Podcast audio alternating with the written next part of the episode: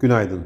Türkiye Cumhuriyeti Merkez Bankamızın brüt rezervleri 13 Ekim haftasında 0.2 milyar doları döviz rezervlerindeki artıştan kaynaklanmak üzere 1.6 milyar dolar artarak 124,5 milyar dolara yükselirken altın rezervleri altın fiyatlarındaki yükselişin etkisiyle 1,5 milyar dolar arttı.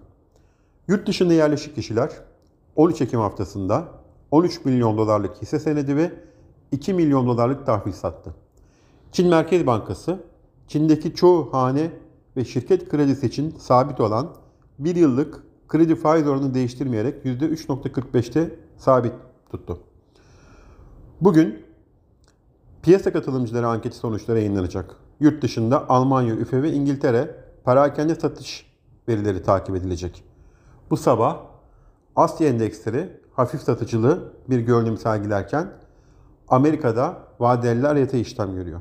Borsa İstanbul'da hafif satıcılı bir başlangıç öngörüyoruz. İyi günler, bereketli kazançlar.